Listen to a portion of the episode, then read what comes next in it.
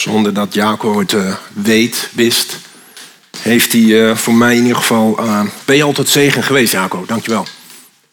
Al vanaf het moment dat we samen stonden te bidden daar, ben ik bevestigd dat wat ik, wat ik vandaag wil zeggen, dat dat, dat dat van God komt. Eigenlijk heb jij het nu al heel vaak gezegd, dus ik kan ook de preek wel skippen. Maar ik was gisteren met, met een aantal vrienden en die, die hadden wat theologische discussies. Ja, dan haak ik een beetje af. Ik ben niet zo theologisch. En toen dacht ik ineens aan mijn preek. Ik denk, ja, heer, is dit dan wel wat ik moet, moet spreken vandaag of morgen? En, en met wat Jaco allemaal zei en bad en, en wat we allemaal hebben gezongen, denk ik, ja, dit is misschien vandaag even de dag dat we gewoon even stilstaan bij, bij de basis. En uh, dat is goed, want soms leven we daar zo aan voorbij.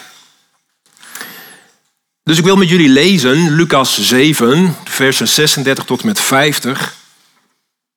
En eigenlijk had ik die graag uit de HSV willen uh, lezen, maar dat doe ik nog alsnog. Dus je mag meelezen en dan even kijken of je wat verschillen merkt. Lucas 7, 36 tot en met 50. En een van de fariseeën vroeg of hij, Jezus, bij hem kwam eten. En toen hij het huis van de fariseeën binnengegaan was, lag hij aan. En zie, een vrouw in de stad die een zonderes was, kwam te weten dat hij in het huis van de fariseeën aanlag. En zij bracht een albasten fles met zalf mee. En staande achter zijn voeten begon ze huilend zijn voeten nat te maken met tranen. En ze droogde ze af met, haar haar, met het haar van haar hoofd. En ze kuste zijn voeten. En zalfde ze met de zalf. Toen de fariseer die hem uitgenodigd had dat zag, zei hij bij zichzelf... Deze man zou, als hij echt een profeet was, wel weten wie, hem uitgen uh, wel weten wie en wat voor een vrouw het is die hem aanraakt. Want zij is een zondares. Maar Jezus antwoordde en zei tegen hem, Simon, ik heb u iets te zeggen. Hij zei, meester, zeg het. Jezus zei, een zekere schuldeiser had twee schuldenaars. De ene was 500 penningen schuldig en de ander 50. Toen zij niets hadden om te betalen, schold hij het hun beiden kwijt. Zeg dan, wie van hen zal hem meer liefhebben?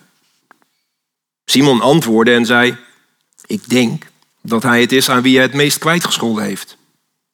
Hij zei tegen hem, u hebt juist geoordeeld. En hij keerde zich om naar de vrouw en hij zei tegen Simon, ziet u deze vrouw? Ik ben in uw huis binnengekomen, water voor mijn voeten hebt u niet gegeven.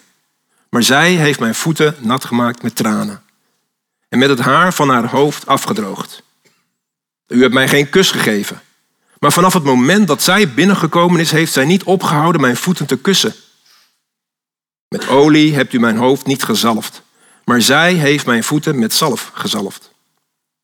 Daarom zeg ik u, haar zonden die veel waren zijn haar vergeven, want zij heeft veel lief gehad. Maar aan wie weinig vergeven wordt, die heeft weinig lief. En hij zei tegen haar, uw zonden zijn u vergeven. En zij die mee aanlagen begonnen bij zichzelf te zeggen, wie is deze die ook zonde vergeeft? Maar hij zei tegen de vrouw, uw geloof heeft u behouden. Ga heen in vrede. Boeiend. Prachtig verhaal. Uh, het is zo grappig, want je leest de Bijbel keer op keer. Had het gisteren ook over. En elke keer valt je oog weer op iets anders. En, en ik las dit verhaal nu en ik denk, goh, wat, ja, wat een prachtig verhaal. we zijn er getuigen van dat uh, Jezus wordt uitgenodigd door een fariseer en die blijkt Simon te heten. Gebeurt niet zo heel vaak in de Bijbel. En dat is ook wel logisch, want de Fariseeërs en Jezus, eh, dat waren niet de beste vrienden. Eh, Jezus die noemt hun eh, addergebroed, hypocrieten. Hij haalt zelfs Jesaja aan en dan zegt hij van, ja, maar dit volk dat eert mij met de lippen, maar hun hart, dat is ver van mij. En de fariseeërs op hun beurt, die vonden Jezus eigenlijk maar een, uh, een beetje een dronkaard en een rabbi die hun tradities kwam verstoren die fariseeën, die kenden eigenlijk alle wetten en regels. En ze hadden zichzelf als bewakers over die wetten en regels aangesteld. Hadden ze zelf gedaan. Fariseeën die beschouwden de interpretaties die hun voorouders op die Torah, op het Oude Testament deden, dat had hetzelfde gezag als de Torah zelf. Voor de Fariseeërs werden de wetten en de regels die werden leidend. Daar keken ze naar. En op deze manier merk je eigenlijk, dat merkten zij niet, maar duwden ze ongemerkt Gods liefde uit hun leven. Terwijl ze in vele gevallen echt wel oprecht begonnen om God te willen dienen. Ja, maar door die wetten en regels te volgen dachten ze goed bezig te zijn. Als je aan Saulus denkt, die, die later als Paulus zeg maar, terugkijkt op zijn leven in handelingen, dan, dan zegt hij ook van ja, ik was een, een hele strenge fariseer. En, uh, en, en dan was hij er ook van overtuigd dat het vervolgen van de volgelingen van Jezus, dat was wat God wilde van hem. Daar was hij van overtuigd. Maar er zit natuurlijk een enorm gevaar in en dat heeft hij ook gezien achteraf. Als wij Gods liefde vervangen voor iets anders, dan ligt er vaak oordeel op de loer. Of egoïsme, hoogmoed. Gods liefde wordt vervangen door aardse liefde. Nou, dat is even een kleine intro op de fariseeën in het algemeen. En ik vrees dat Simon daar geen uitzondering op was. Dat is een beetje een hoogmoedige, veroordelende man en die had niet veel op met Jezus. Terwijl hij hem wel uitnodigde. Ik denk dat hij hem uitnodigt om, om Jezus een beetje ja, nou, te kunnen beschamen ergens. Ergens te kunnen pakken op een woord of zo. we, we hebben het net gelezen, maar ik lees daar niks positiefs uit wat eh, Simon zou willen van Jezus. Dus ik zei er zit gewoon niet veel goeds in deze uitnodiging. Maar des te opvallender is het dat Jezus die uitnodiging aanneemt. Hij neemt hem gewoon aan. Wat nog meer bijzonder is, denk ik dan, is dat Jezus blijft, terwijl op het moment dat hij binnenkomt, worden hem alle cultureel gepaste handelingen, die worden hem gewoon ontzegd. Gebeurt niet. En Jezus blijft. geen water voor zijn voeten, geen welkomstkus, heel normaal in die cultuur. Misschien dat we hier denken van nou, laat maar, kan. Geen olie om zijn hoofd te zalven. En dat is niet een, een zalving van u bent de Messias. Uh, maar het was gewoon een, een, olie als van een soort opfrissing. Spreuken 9, daar staat ook. Laat uw kleding ten alle tijde wit zijn. En laat op uw hoofd geen olie ontbreken. Dus gewoon een beetje een opfrissertje, zal ik maar zeggen. Maar dat deed hij ook niet. En eigenlijk, zeker in het Midden-Oosten, dat is een enorme belediging naar jouw gast toe.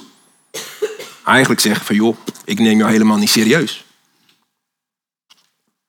Maar dan vind ik het zo krachtig van Jezus. Hij reageert niet zoals velen, in ieder geval ik zou reageren. Ik zou waarschijnlijk gereageerd hebben van joh, als jij dat doet, de pot op, ik ga weer, ik keer me om en ik ga weg. Maar Jezus niet. Jezus die blijft. Respect. Eten in het, in het Midden-Oosten dat is een, eh, is een behoorlijk dingetje. dat is een hele sociale happening. En uh, als je, mensen, als je een, belangrijk persoon uitnodigt, dan, dan nodig je nog meer mensen uit, want dan kunnen zij zien wat voor belangrijk persoon jij hebt uitgenodigd. Nou, dat lezen we ook in dit verhaal. Hè. Je, je kan een beetje het idee hebben van ook, het gaat over eh, Simon, het gaat over Jezus en het gaat over de zondares. Maar pas op die in die laatste versen dan blijkt dat er dus wat meerdere gasten bij zijn en die doen dan ook hun, eh, hun mond open. Maar dat was niet alles. Ik denk dat er nog veel meer mensen bij waren, bij dat eten aanwezig waren. Je moet je voorstellen dat je ergens woont. ga een beetje terug in de tijd. Je woont ergens en er is geen radio. Oké, er is geen Spotify. Maar er is ook geen tv. Slash Netflix. En nog erger, lieve mensen, lieve jeugd, lieve volwassenen, er is geen smartphone. Stel je dat even voor. En dat is misschien best wel moeilijk op voor te stellen. Maar goed. En stel je voor dat je er dan achter komt dat ene Jezus bij Simon de Fariseeër komt. Jezus. Die man die van die prachtige wonderen doet. Die man die een Bijbeluitleg kan geven waar je stil van wordt. En die komt bij Jezus, dat is om de hoek daar. Daar ga je heen, toch? Was iets anders dan het normale leven tenminste. Er was spanning. En we lezen ook elke keer in de Bijbel dat als Jezus ergens is, dat hij soms uh, uh, helemaal teruggedrongen wordt door al die mensen die er waren. Dus waarom zou dat nu anders zijn? Dus dan stel ik me zo voor dat Jezus daar uh, aan ligt. Hè, het was geen zitten. paar schilderijen gezien waarin Jezus nou bijna op een stoel zat. En dan die zonderes, die zat helemaal... Nee, hij lag aan. Gasten erbij. En dan volgens mij al die ramen en deuren. Ik weet niet hoeveel Simon er had in zijn mooie grote huis. Die waren helemaal gevuld met mensen. Die zaten allemaal te kijken. En die probeerden iets op te vangen van de gesprekken die gaande waren. Zou Jezus misschien weer iets moois zeggen? Zou hij weer een prachtig wonder doen of zo? En ik, ik, stel me ook nog weer voor dat Simon, ik stel me nog een heleboel voor, ik, ik hoor het ook, hè, maar het staat er allemaal niet. Maar ik stel me voor dat Simon daar best wel een beetje van kon genieten. Want hij stond in de belangstelling. Konden al die mensen wel eens even zien die daar door die ramen stonden te kijken wie hij in zijn huis had. En dan ineens, als alles gaande is, de gesprekken zijn op gang gekomen, je zou zeggen het sfeertje zit er goed in, komt daar vanuit die menigte een zondares naar voren. Nou, wat ze gedaan heeft, dat staat hier niet beschreven. Misschien dat we allemaal heel gauw denken, oh dat zal wel een prostituee zijn. Het staat er niet. Het is een vrouw die door velen met de nek wordt aangekeken. Iemand die in haar dagelijks leven iets doet wat, wat uiterlijk te zien is, waardoor mensen zeggen, dat is een zondares. Daarbij vergeten dat ze zelf ook zondaars zijn. En Simon die maakt het eigenlijk nog een beetje erger. En ik weet dus niet of dat in de, in de NBV stond. Maar op een gegeven moment als hij bij zichzelf denkt, dan denkt hij ook, zegt hij ook, wat voor een vrouw dat is. Hij maakt er bijna een object van, van deze vrouw. Maar ik stel me voor, dus tijdens, zij, zij liep naar voren, die gesprekken waren gaande en die gesprekken die vielen stil. Men zag haar, men wist wie dat was die zo naar voren liep en de ogen waren allemaal op haar gericht. En zij op haar beurt wist natuurlijk dat ze vuil aangekeken zou worden, maar ze ging door met haar actie. En ze liet zich door niets of niemand tegenhouden. Daar waar Simon eerst vast wel geschokt moet zijn van wie komt daar mijn perfect uh, etentje binnen, moet hij op een gegeven moment gedacht hebben van nou, kon wel eens handig zijn. Dit komt mij wel heel goed uit. Nu kan ik eens even zien hoe de Heer Jezus hierop reageert. Hoe Jezus hierop reageert. En dan zal ik hem eens eventjes als een soort misleider of zo, zal ik hem even aan de kaak kunnen stellen. De zondares. We lazen dat zij hoorde dat eh, Jezus bij Simon was. En dat ze daarom die kant op ging, dat hoorden we. Ze nam dat, dat speciale uh, albasten flesje mee met, met dure olie erin, met dure zalf. Maar dat betekent ook dat ze Jezus op de een of andere manier gekend moet hebben. Of dat dan echt persoonlijk is, weet ik niet. Maar ze moet hem ergens hebben horen spreken. Kan niet anders. En wat ze gehoord heeft, dat heeft haar heel diep, diep geraakt.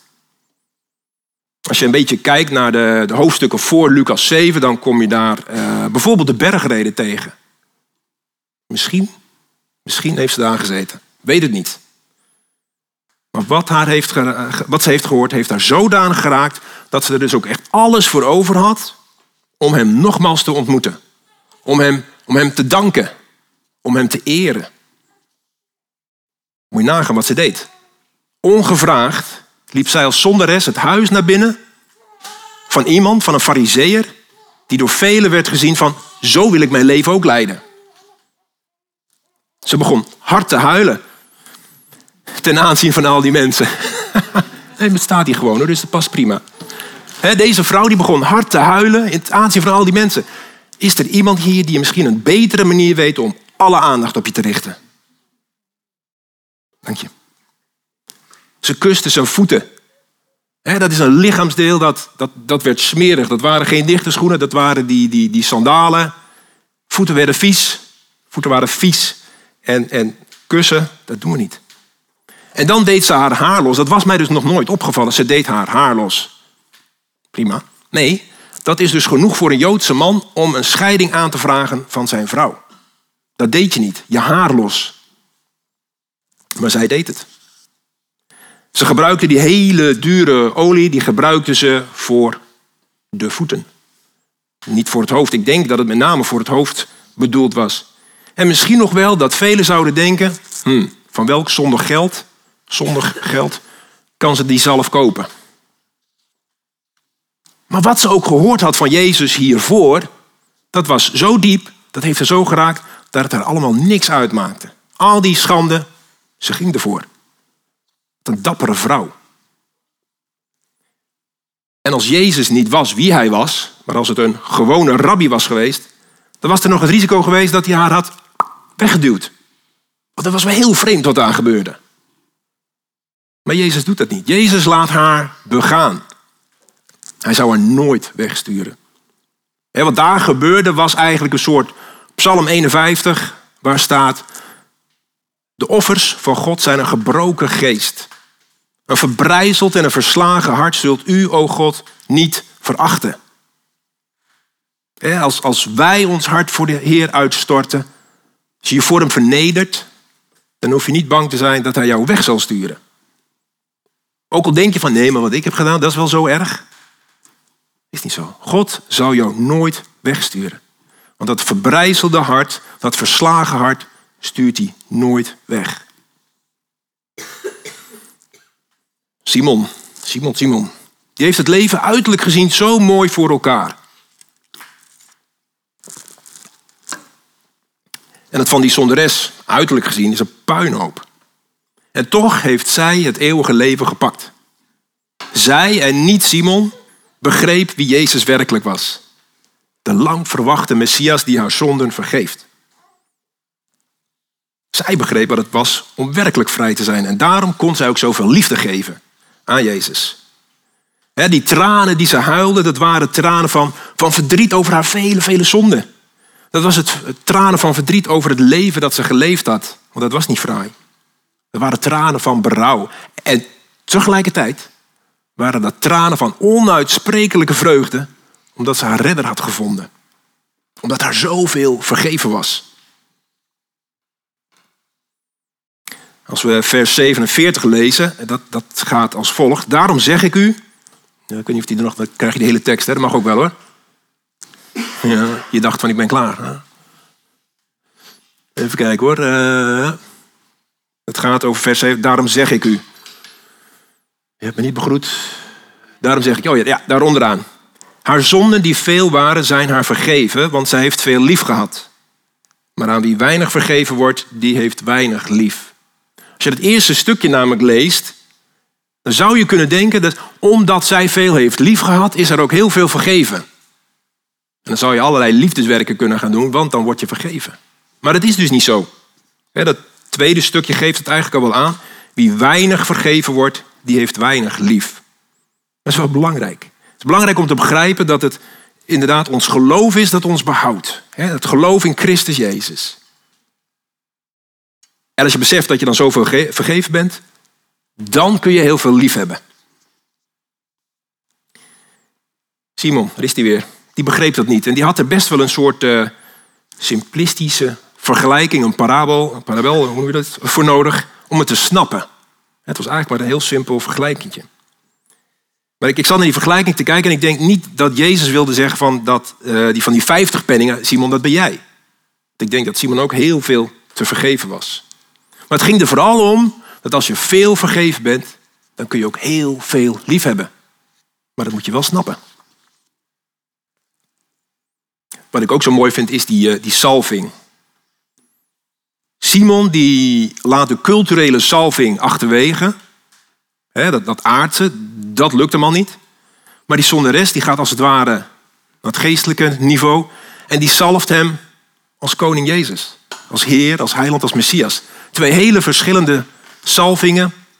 En die zeggen wel wat over het verschil tussen Simon en de zonderes. Ik denk dat het probleem van Simon was dat hij nog nooit was doorgebroken naar de kern van het geloof. En daar leek hij ook niet meer naar te zoeken, want hij ging voor die wetten en regels. Daar leefde hij voor. Hij was nooit doorgedrongen tot het gebroken hart, waar God juist naar op zoek was.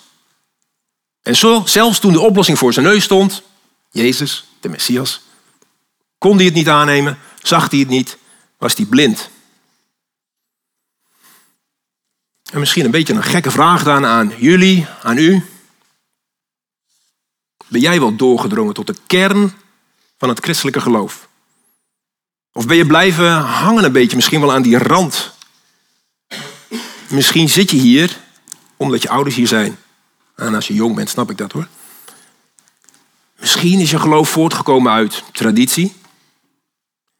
Misschien ben je wel naar Jezus toegegaan omdat je vooral niet naar de hel wilde. Vroeger had je zo'n poster met de brede en de smalle weg. Heb ik als kind gezien. Ik vond hem traumatisch. En daarom ging ik naar Jezus. Maar dat is wel een rand. Of misschien heb je wel voor Jezus gekozen omdat je gewoon zijn leven zo goed vindt en, en wil je leven zoals hem. En dat is allemaal fijn en mooi. En in de Bijbel lezen we daar ook voorbeelden van. Hè? Mensen die naar zijn wonderen kwamen of ze werden gevoed en daarom kwamen ze naar Jezus. Maar het is die diepere vraag die je jezelf moet stellen. Ben je doorgedrongen tot het hart van Christus? Besef je ten diepste dat Hij de Messias is en dat Hij je, zoals Jacob het ook al zo mooi zei, dat Hij het is die jouw zonde heeft vergeven.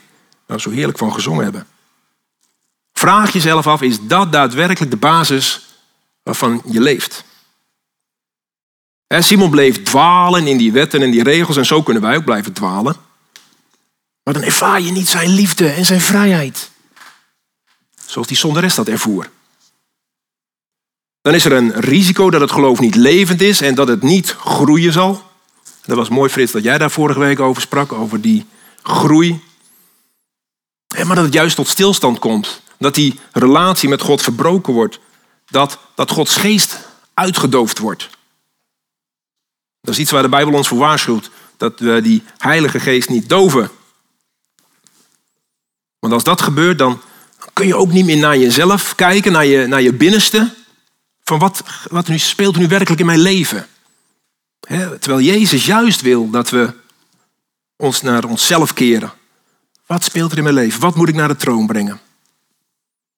En als ons geestelijk leven emotioneel heel ongezond is, doordat we de geest niet meer hebben, dan, dan merk je ook dat we niet zoveel tijd met God doorbrengen.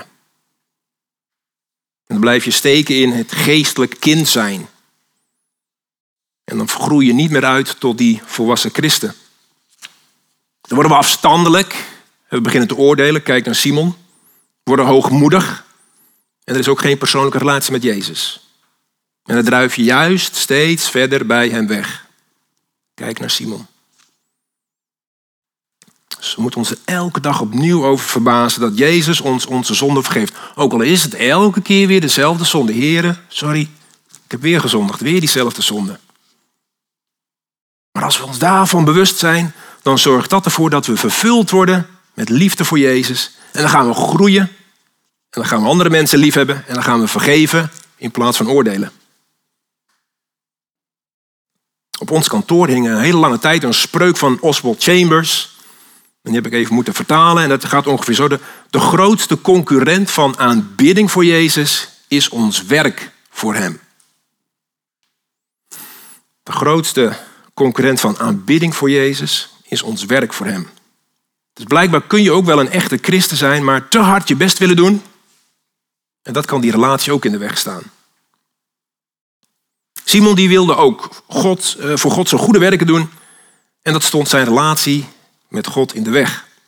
En hoe is dat dan bij u? Of bij jullie? Hoe is dat bij mij? Nou, bij mij zit het natuurlijk wel goed. Ik ben een zendeling. Ik uh, ben heel druk voor de Heer, dus bij mij is dat goed, toch? Nee, ja. Dat is een risico, jongens. Maar als we dat op die manier bezig zijn, dan zijn we net zo bezig als, als Simon. En 2 Petrus 1, vers 9, en dat vond ik ook zo mooi. Frits, die las dat ook al vorige week, zegt dit. Ja, sorry, heb ik niet daar. Immers, bij wie deze dingen, en dat zijn die zeven kenmerken waar Frits het over had, waar deze dingen niet aanwezig zijn, die is blind en kortzichtig. Waarom? Omdat hij de reiniging van zijn vroegere zonde vergeten is. We moeten het niet vergeten. De Bijbel waarschuwt ons ervoor. Het kan zo gewoontjes worden soms. Maar vergeten we wel, dan worden we blind en kortzichtig. Heel even bij Simon weer kijken. Dan zagen we bijvoorbeeld broederliefde. Dat, dat leek hem een beetje vreemd te zijn. Want die vrouw, daar hield hij niet van. Hij noemde haar ook constant de zonderes. Hij maakte er bijna een object van. In plaats van haar lief te hebben, zoals Jezus haar lief had. En nu kunnen we dus inderdaad wel heel slecht steeds over die Simon, hè, want hij komt er niet heel goed uit, moet ik eerlijk zeggen. Kunnen we heel slecht over Simon denken.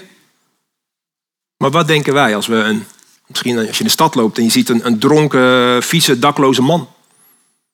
Als we ergens een vrouw zien lopen die toch duidelijk als prostituee op zoek is naar werk. Of als je een verslaafde ziet zitten, misschien ligt er nog wel een spuit naast op de grond, ik weet het niet. Hoe reageer je dan? Is het dan die liefde van Christus in jouw hart? Omdat je weet, hé, hey, ik ben vergeven en, en, en God wil hem ook vergeven. God houdt ook van hem. Of merk je dan stiekem toch wel een beetje een afkeur? Dat is een vraag. Die zeven kenmerken, dat was eh, deugd, kennis, zelfbeheersing, volharding, godsvrucht, broederliefde en liefde voor iedereen. Maar dat hoef ik jullie niet te vertellen, dat kennen jullie helemaal uit je hoofd natuurlijk. Maar die zijn een belangrijke maatstaf of je dus niet vergeten bent dat je gereinigd bent van je zonde. Dus die moet je dus even bij jezelf nagaan.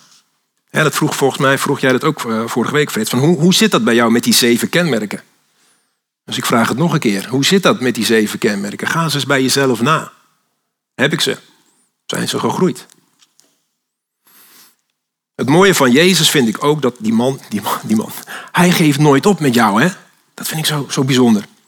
Ook als wij aan die rand blijven dwalen, dan, dan houdt Jezus veel te veel van ons om ons daar te laten. Hij wil ons naar die, naar die kern toe trekken. God heeft ons bestemd, zegt Thessalonicense, om de zaligheid te verkrijgen.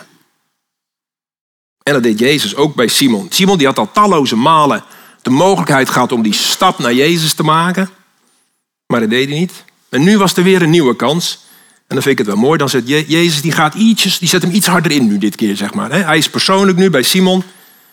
En dan uh, drukt hij er iets steviger op van, joh, ik ben de Messias. Eigenlijk zette hij Simon een beetje voor schut, hè. Dat hele simplistische voorbeeld van 500 uh, eh, penningen en 50 penningen. Nou, en wie heeft het meeste lief? Zegt Simon ook, ja, ik denk. De... Het was een heel simplistisch voorbeeld waar iedereen het antwoord op wist. En vervolgens zegt hij ten aanzien van iedereen, dus niet alleen maar die mensen die aanlagen, maar ook die mensen die nog steeds in die ramen stonden en deuren stonden te kijken, vertelde hij even haarfijn, Simon, dit en dit en dit heb jij niet gedaan. Ah, wat een schaamte zeg. Maar ik kan me voorstellen dat Jezus soms even iets sterker bij ons binnenkomt om ons even wakker te krijgen. Maar Jezus liet wel duidelijk, wel degelijk zien dat hij de Messias was. Eh, de onuitgesproken gedachte van, van Simon, daar gaf Jezus antwoord op. En later zegt hij ook nog inderdaad, hè, uw zonden zijn u vergeven. Dus Jezus laat wederom zien, ik ben de Messias. Waar staat u? Waar sta jij? Ben je als een Simon misschien nog wel? En heb je het nodig om door te dringen als zijnde de zondares? Of ben je misschien wel de zondares, maar heb je nog wel stukjes Simon in je? Heel misschien zit hier wel iemand die zegt: Nee, ik ben als de zondares. Elke dag leef ik vanuit de genade van Jezus Christus, onze Heer en Heiland. Misschien wel. Hem zonder schaamte ook loven en prijzen. En dat zou mijn uitdaging zijn aan ons allemaal. Om, om niet alleen vandaag, maar ook morgen en overmorgen. Blijf steeds diep naar jezelf kijken, binnen in jezelf kijken. En wees eerlijk tegenover jezelf. Wees eerlijk ten opzichte van de Heer. Hoe is jouw relatie met God? Hoe is jouw relatie met Christus? beseffen wij dat Hij het is die ons alles zonder vergeeft? Heb jij veel liefde om te geven? Amen.